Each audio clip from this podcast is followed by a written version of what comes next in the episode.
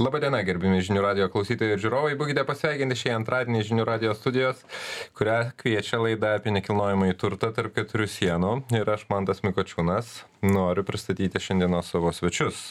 Tai Julija Štaras, prabangos nekilnojamo, nekilnojamo turto valdymo ir vystymo ekspertė, Intas NT agentūros įkurėja. Labas, Julija. Labas, Mantai. Ir Raimondas Reginis, Oberhaus rinkos tyrimų vadovas Baltijos šalims. Labas, Sveikas, Mantai.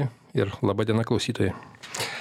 Tai noriu paklausti ir pradėti nuo Julijos. Tai kaipgi gyvena prestižinio nekilnojamo turto sektorius? Neblogai Bendrai, gyvena. iš esmės. Neblogai gyvena. Neblogai. Neblogai. Mes čia dar iki jungiant mikrofonus kalbėjom tai gal sakau čia vat jau įsibėgėjo rinka gal čia visi džiaugiasi brokeriai kad bi yra kažkoks tai suaktyvėjimas. Julija sako o tai kada buvo? Jinai supasyvėjus tai kaip suprantu suprantu laikai laikai geri šitam sektoriui. Dvidešim ketvirtų metų mes vienareikšmiškai dar niekaip negalim vertint nes dar tik prasidėjo tas laikotarpis ir mes galim pasižiūrėt tiktai į praeitį, 23 metus arba į tendenciją tiesiog, į lūkestį, Taip. kuris yra rinkoj. Tai 23 metai, jie galbūt nebuvo tokie puikūs kaip 21-20, kuomet pasiūla pirminiai rinkoje buvo labai didelė ir sandorių kiekis įtakotas buvo viso to. Čia Raimondas gal daugiau galėtų pasakyti, bet šiaip bendrai paėmus rinka optimistinė buvo, mhm. klientų ir pirkėjų lūkesčiai buvo irgi optimistiniai. Kiek juos įtakojo įvairios geopolitinės situacijos, sakykime, centrinio banko kažkokie tai pokyčiai vykdomi, neįtakoja. Tai nėra tokia rinka, kuri būtų labai jautri. Mhm. Dažniausiai vis tiek jinai yra, mm, kaip pasakyti, nekredituojama, nefinansuojama. Tai yra vėlgi segmentas, kuris jau gana stiprus, gyvenantis iš verslų, iš, iš kitų pajamų, tai, sakykime, jisai netoks jautrus šitiem visiems dalykam. Tai rinka, jinai liko aktyvi, jinai vis dar yra optimistiška ir vis dar mes turim a, paklausos, iš tikrųjų poreikį didesnį negu galima pasiūlą rinkoje iš to. Tai va, aš norėjau klausti, mes čia turbūt kalbam labiau apie pirkėjus. Pirkėjai yra, o kaip su pardavėjais, kaip Taip. su pasiūla, ar jinai irgi optimistinė? A, su pasiūla yra šiek tiek prašiau, nes iš tikrųjų o, pastarėjai du metai jie rinkai nepasiūlė tiek daug šito segmento būtent vystytojų ar naujų projektų, nes vėlgi žinom, kad klientas vartotojų tampa tada, kada atsiranda produktas, ne? Tam, kad sukurti produktą, tu praeini ganėtinai ilgą ir didelį kelią, tai yra Lietuvoje gan didelis biurokratinis mechanizmas. mechanizmas iš tikrųjų. Tai šiandien dienai galiu pasakyti, kad pastarėjai du metai buvo tikrai maža pasiūla pirminės rinkos buvo tam tikri likučiai, buvo uh, galbūt artimų, bet nu ne visiškai aukščiausio lygio ir, ar prabangiausio lygio objektų. Jų kiekis buvo gan nedidelis ir, nu, vėlgi juos, juos kaip ir įsisavino tą rinką. Tai dabar lieka laukti naujų. Supratau, apie juos mes dar pakalbėsim. Raimondai, kalbant skaičiais, praėjusiais metais, kokie tie sandoriai buvo? Apskritai, jeigu kalbėti apie brangiausią būstą, apie ką ši, ši tema ir yra, tai šiek tiek taip, tikrai, jeigu tai pasižiūri skaičius, tai, sakykime, tas prabangus segmentas, brangiausias turtas, ta, ta rinka gyvavo geriau negu apskritai visa rinka. Nes jeigu tai prisimint, praėjusiais metais, 23 metais būsto sandorių skaičius Lietuvoje, apskritai žiūrint ir namus, ir, ir būtus, sumaž, susitraukė 14 procentų. Mhm. Tai yra du metai iš eilės rinka buvo besitraukianti, sandorių skaičius mažesnis. Tačiau jeigu pasižiūrėti na, įvykusius sandorius brangiausiam segmente, tai matome, kad, kad jis išliko arba stabilus, arba net na, fiksavome tam tikrus rekordus. Tai yra ne tik kalbant apie Vilnių, bet ir kitų, apie kitus miestus. Taip, kaip pavyzdys, jeigu taip pasižiūrėt, na, kur daugiausiai parduodama brangiausio turto, tai žinoma sostinėje. Taip. Tai kaip pavyzdys, 22 metais tai būtų daugiabučiuose, kurių kaina viršio 1 milijonas, mhm. 22 metais buvo parduota 9, Taip, 23. o 23 buvo 10. Tai yra, na, tas skaičius tikrai nesusitraukė. ne, na, ir jisai netgi didesnis negu 21 metais. Tai jeigu taip žiūrėti 23, tai tikrai ir, ir kas džiugina, kad turėjom iš ties pakankamai įdomių sandorių. Ir ne tik tai nebūtinai būtų segmente, bet ir kitose segmentuose ir ne tik tai Vilniuje.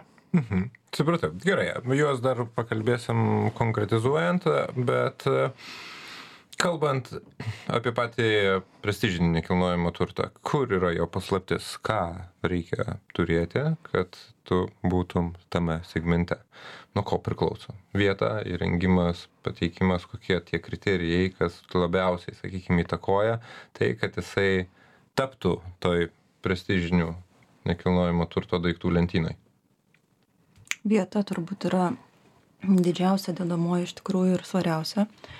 Tiek vieta tiek išorinė aplinka tiek netgi kaimynystė šiandien dienai labai labai labai svarbūs šitie faktoriai ir juos ypatingai kreipia iš tikrųjų dėmesį nes tai ką tu viduj pasidarysi tu pasidarysi viską iš ko tu nori. Bet visa kita kas yra tavo aplinkoj kaip tu patenki kur tu patenki kokie sakykim tie keliai netgi kaip kai kaip atrodo tai arba koks valdymas netgi tų pačių nu elementarus pavyzdys įvažiavimą į parkingą valdymo sistema jinai gali įtakoti tavo nuomonę ane tai mhm. va tai daug labai rodiklių kurie kurie lemia būtent tą sąvoką prestižinis.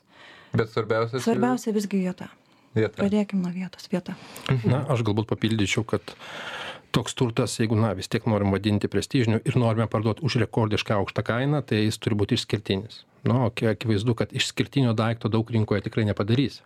Nes tikrai kartais būna na pa paimkim pavyzdį kur nors centrinėj miesto daly naujas daugiabutis įrengiamas dviejų kambarių butas na tikrai prabangiai. Na ir va sako prabangus. Na taip išties jis yra na tikrai brangiai įrengtas bet bet to tokio turto galima sukurt labai daug. Na tu pasiimk bet kokį daugiabutį centrinėj miesto daly a dviejų kambarių ir na tu įrengsi ir tikrai turėsi daug tokio turto bet jeigu tu nori turėt pavyzdžiui sakykime būstą su aukštom lubom didelio ploto na kuriame tilptų atskirai ir svetainė ir valgomasis ne kartu sujungiant na viršutinis aukštas ir didesnis plotas kaip minėjau tai va tokio turto išties na yra sudėtinga pasiūlyti pirkėjams ir na žinoma toks turtas užtat ir parduodamas už rekordiškai aukštas kainas. Mhm, bet čia kaip julija ir sakė dar gal labai įtakoja ir kaimynystė tai yra jeigu ten pats daugiabutis jisai sakykim buvo projektuotas ir statytas mažos kvadratūros nedidelių butų kurie ten sakykim netaiko į prestižinę nekilnojamo turto klasę ir ten nežinau apsijungus juos du tris galima padaryti ir didelį būstą ir prabangų bet nu pats konceptas pačio pačio pačio daugiabučio jisai nėra nėra tas prestižinis ir nėra tinkamas galbūt tai ten nu jau norint galbūt nelabai ir išspaus. Tai taip aš mačiau pavyzdžiui praėjusiais metais ir užpraėjusiais mačiau kalnėnuose. Nu įsivaizduoji kurie kalnėnai ir tenai na prabangių namų gyvenvietė buvo planuojama. Aš nežinau man atrodo tas projektas net ne nebuvo pradėtas plėtoti ir ten kainos na nuo ten šešių šimtų septynių šimtų tūkstančių. Bet kai pasižiūri projekto vietą ir aplinką sakykime nu supranti kad tai na ne tokia vieta tokiam projektui išties. Tai žinoma kad vieta ypatingai svarbu ypatingai kaimynystė ir kas svarbu ypatingai pir pirkėjui tai yra tas na sakykim brangiausio turto tai privatumas. Tai ir užta užtat ir matome kad na renkasi tokias na mažiau apgyvendintas sakykim nu kad ir senamiestis žinoma ten galbūt tankumas mažesnis gyventojų arba kažkokios tai prie gamtos vietos. Tai va mhm. tokios tokios tipinės na to brangiausio būsto vietos. Gerai pakalbėkim apie dar vieną tokį aktualų klausimą. Ar ar yra skirtumas prieš nuo to kaip buvo ir kaip dabar yra ir kokios tendencijos buto ar namo pasirinkime? Nes man kiek tenka pastebėti bet čia vėlgi mano asmeninė nuomonė kad anksčiau prestižinėje klasėje labiau populiarūs buvo namai dabar labiau populiarėja butai bet čia mano nuomonė. Ar iš tikrųjų taip yra jaučiamas kažkiek tai ar nejaučiamas tas dalykas? Galimai įtakojo ir tai kad mes anksčiau neturėjom tiek daug butų prestižinių pasiūlos. Mhm. pas mus ta rinka ir ta niša buvo labai labai siaura. Tai buvo pavieniai objektai a, kažkur antrinės rinkos tai nebuvo vystomi dideli projektai su vientisa koncepcija su vientisu požiūriu. A, tai atitinkamai žmogus norėdamas daugiau privatumo daugiau gražesnio gerbūvio ar ar ar vat kažkokių unikalių sprendinių faktas jam buvo lengviau rinktis namą pasidaryti taip kaip jisai nori gyventi kur jisai nori. Bet vėlgi prasidėjus kovidui ta tendencija ypatingai smarkiai pradėjo verstis aukštyn kojom atsiradus tai pačiai pasiūlai centrinėj miesto daly to prestižinio būsto tai kito ir pirkėjų lūkestis ir pirkėjų pasirinkimas dėl ko? Dėl to kad buvo atsižvelgiama į laiko taupymą ane? Ir ir buvo labiau renkamasis variantas gyventi dirbti mieste bet važiuoti savaitgaliui ar ten atostogom į užmiestį. Šitas segmentas iš iš tikrųjų jisai turi galimybę leisti sau turėti ne vieną būstą ane? Ir ir dažniausiai tie žmonės būtent ir susidėlioja susistrateguoja ir ir ir susikuria sau tokią buitį kuri kuo mažiau juos slėgtų kuo kuo labiau būtų patogi reiškia jie realiai dažniau pradeda rinktis gyvenimą ir darbą centrinėj miesto daly ir išvykimą pabėgimą kažkur į gamtą į užmiestį laisvu laiko laisvu laiku ane? Tai va tai šitas dalykas per kovidą irgi labai smarkiai vertėsi. Vėlgi ką davė mum ta pasiūla prestižinio būsto? Mum davė butus kurie tapo analogu namui. Reiškia mes bute galėjom turėt viską ką ko kas buvo pas mus name nu galbūt išskyrus tą labai privačią kažkokią kiemo dalį kuria galėtume disponuoti ane nes daugiabutyje mes vis tiek turim tam tikrus ribojimus priešgaisrinius su kaimynais nustatytas tvarkas naudojimuisi kiemų tai bet iš esmės tai ką mes viduj galėjom pasiūlyti pirkėjams mes patenkinom visiškai ir ir ir ir įvykdėm visiškai namo analogo koncepciją. Supratau. Raimundai, ką, da, ką sako statistika, jeigu tokią turim? Mm, tai iš ties aš pritarsiu, kad um, pasta, ypatingai 20-21 metais ta tokia buvo iš ties didelė pasiūla, sakykime, tų mm, būtų daugiabučiuose, na, kuriuos galima pavadinti, sakykime, aukštesnės klasės. Ir tikrai matėme tos rekordinius sa, sa, sandorius, tuo tarpu namų rinka tai jeigu taip pasižiūrėt ką pavyzdžiui kad ir praėjusiais metais įvykę na istorijoje patys didžiausi sandoriai namų rinkoje patys brangiausi. Kokie jie?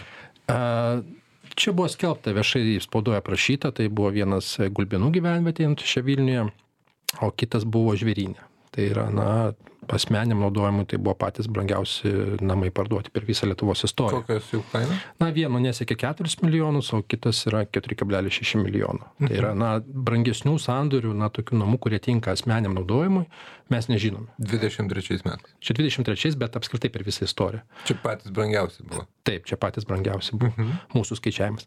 Tai va, tai jeigu tai pasižiūrėti tą namų rinką, tai pažiūrėkit, sandoriai vyksta iš esmės antriniai rinkai tai yra na jeigu žmogus nori kažkokio tai išskirtinio namo jisai eina į antrinę rinką nes nėra plėtotojų kurie na užsiimtų plėtra tokių namų butai tuo tarpu na mažesni butai ar ten didesni butai na jie yra plėtotojų plėtojami tiktais tai užtat užtat tas tas galbūt vat ir yra skirtumas kad tas pasirinkimas tų individualių namų yra daug skurdesnis. Bet jeigu taip klau atsakyt į klausimą tai žinoma kaip ir minėjau pirkėjui tokiam pirkėjui svarbu privatumas todėl jie bet kokiu atveju na tikrai visą laiką žiūri turbūt alternatyvas. Ir namą žiūri ir žiūri ir ir galbūt butą daugiabutyje nors va kaip ir minėjo julija tikrai būna kartais yra na daugiabutis bet sakykime butas yra per ten du tris aukštus ir turi savo atskirą išėjimą į kiemą. Mhm. sakykime savo privatų išėjimą. Tai irgi jau yra toks privalumas. Nebūtinai kad tu na stumdysies toj pačioj laiptinėj su kaimynais.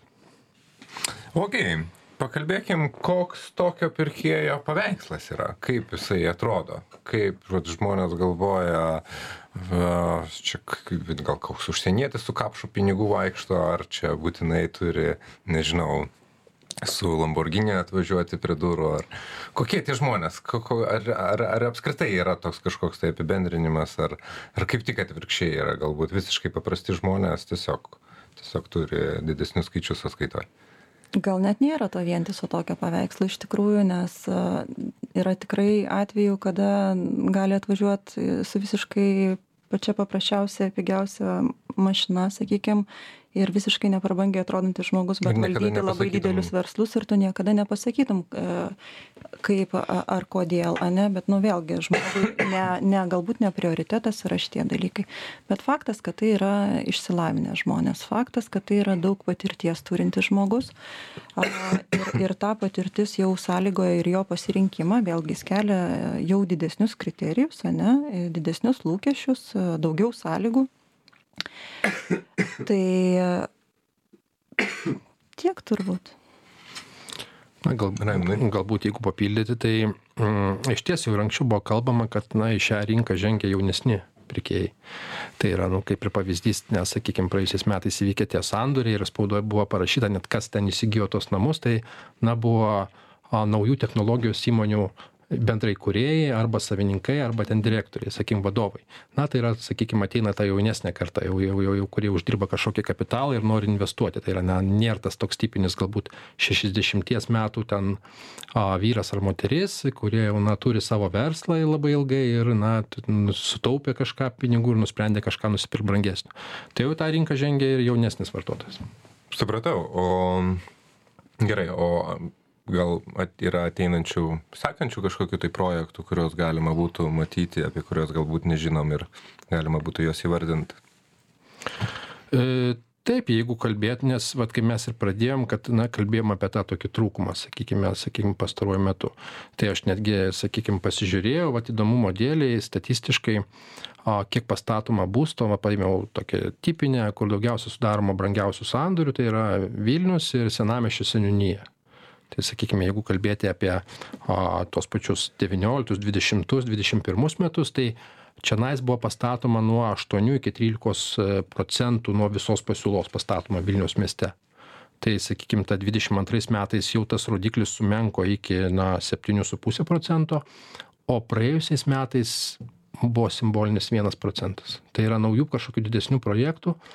Senamestėje, Vilniaus senamestėje nebuvo įgyvendinta ir na visos visi visi lūkesčiai jau yra na į sekančius ir dar sekančius metus nes išties va dabar turė turim tokią duobę pasiūlos o vat jau ateina sakykime na šiais metais sakau dar bus tai pakankamai a pasirinkimas gal nebus toks gausus bet sakykim dvidešim penktais dvidešim šeštais na tų tokių projektų tikrai nusimato ir va Bet jau nusimato. jų nusimato ir va dabar neseniai buvo paskelbta kaip tik du projektai paskelbė vienu metu, kad jau gavo statybų leidimus. Tai kaip tik apie a, šalia misionierių sodų yra Sanguškų parkas projektas vadinasi, kitas yra Vilnius džiazas.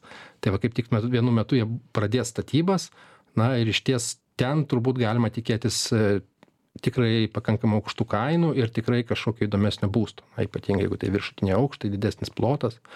O paskui, jeigu dar žiūrėt apie Vilnių, tai mm, labai man įdomu Žygimantų gatvė. Mhm. Žygimantų gatvė dabar va, kaip tik pradėtos dviejų projektų. Vienas jau, jau pasistumėjo projektas, kitas va, pradedamas plėtoti. Dar Žygimantų gatvė yra, reikia atsiminti, Radvilų valda toksai projektas, na, kur, kur plėtotojas nusipirko dar, dar 2016 metais a, nusipirko teritoriją ir na iki šiol dar tenais na tvarko ją išties archeologiniai tyrimai e, kasinėjimai vykdomi visokie tai kaip matome net tie projektai išties užtrunka bet jau jau jau galim tikėtis bent jau vilniuje kad tos pasiūlos na realiai jau realiai žmonės galės pirkti ir įsikurti jau bus na sakykime galbūt jau dvidešim penktais dvidešim šeštais metais kažkas įdomiau Supratau. Julija, dar klausimas pačiai. Kiek a, marketingas sudaro tokiam projektam reikšmės? Pačiai tenka dirbti su tuo, matyti, sakykime,